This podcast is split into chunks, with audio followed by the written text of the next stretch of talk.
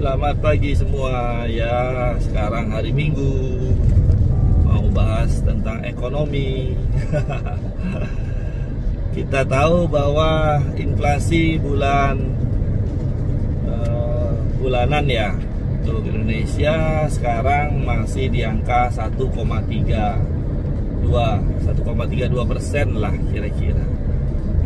BI dipatok oleh pemerintah di range 4%. Nah, mengapa inflasinya rendah? Karena konsumsinya rendah.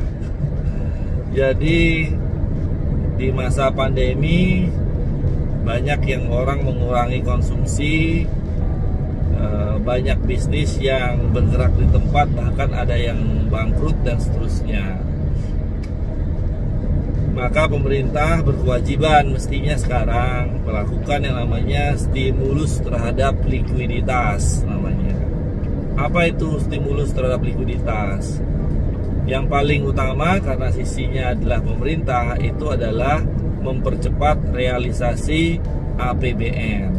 Ya, jadi realisasi dari anggaran belanja harus dipercepat, pengeluaran pemerintah segera dilakukan untuk sektor-sektor yang membutuhkan.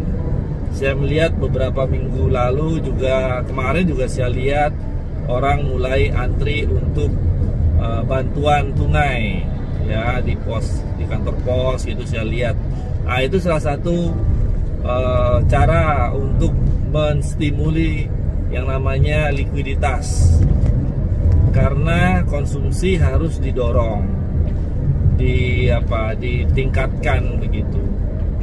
Nah, kalau kemudian kita ingin bertahan dalam kondisi seperti sekarang, memang yang paling utama adalah menekan pengeluaran-pengeluaran yang memang tidak terlalu urgent.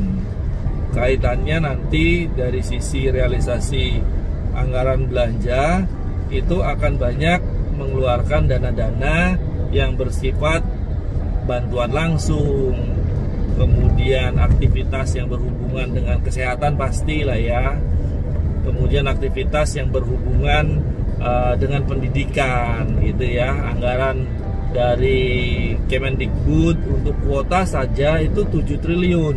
Jadi memang harus dikeluarkan dana itu. Nah, kita akan melihat selama minggu-minggu ke depan ini stimulus terhadap likuiditas akan tetap dijalankan pemerintah dan kita amati apakah berhasil nggak meningkatkan konsumsi pemerintah? Ya sorry konsumsi masyarakat gitu ya.